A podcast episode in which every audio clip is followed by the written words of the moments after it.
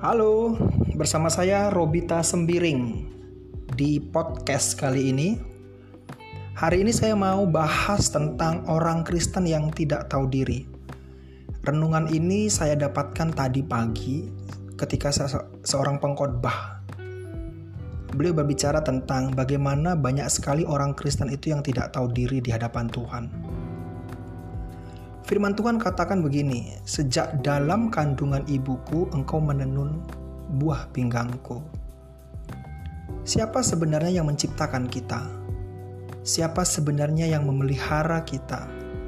Siapa sebenarnya yang menjaga hidup kita? Tuhan bukan? Tuhan yang menciptakan kita, Tuhan yang menjaga hidup kita, Tuhan yang memelihara hidup kita, Tuhan yang mencukupi seluruh kebutuhan kita adalah Tuhan yang sama yang sering sekali kita mau atur.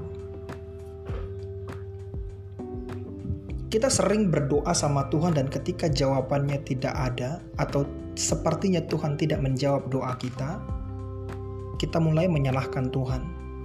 Ketika keadaan hidup kita tidak seperti yang Tuhan mau, Maaf, maksudnya ketika hidup kita tidak seperti yang kita mau, kita menyalahkan Tuhan. Ketika kita tidak mendapatkan apa yang kita inginkan, kita berkata Tuhan itu jahat.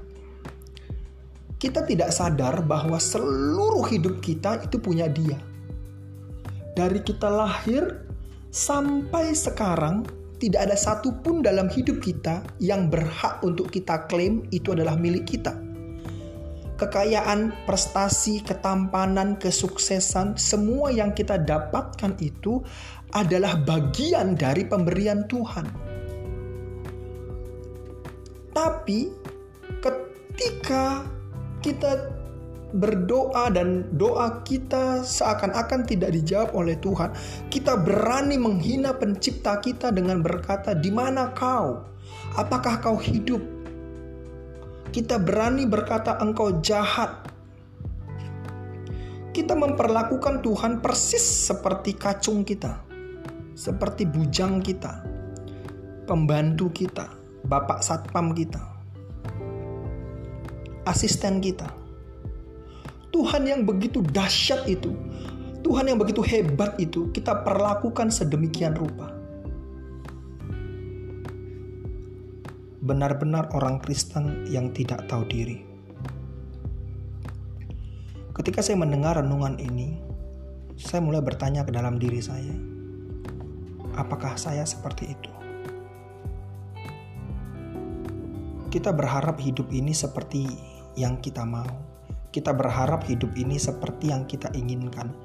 Kita berharap hidup ini seperti yang kita sudah atur, seperti yang sudah kita tentukan. Kita lupa bahwa pemegang kendali sebenarnya adalah Tuhan. Hidup kita ini bukan apa yang kita mau, tapi seharusnya apa yang Tuhan mau. Semoga renungan ini memberkati kita. Tuhan memberkati.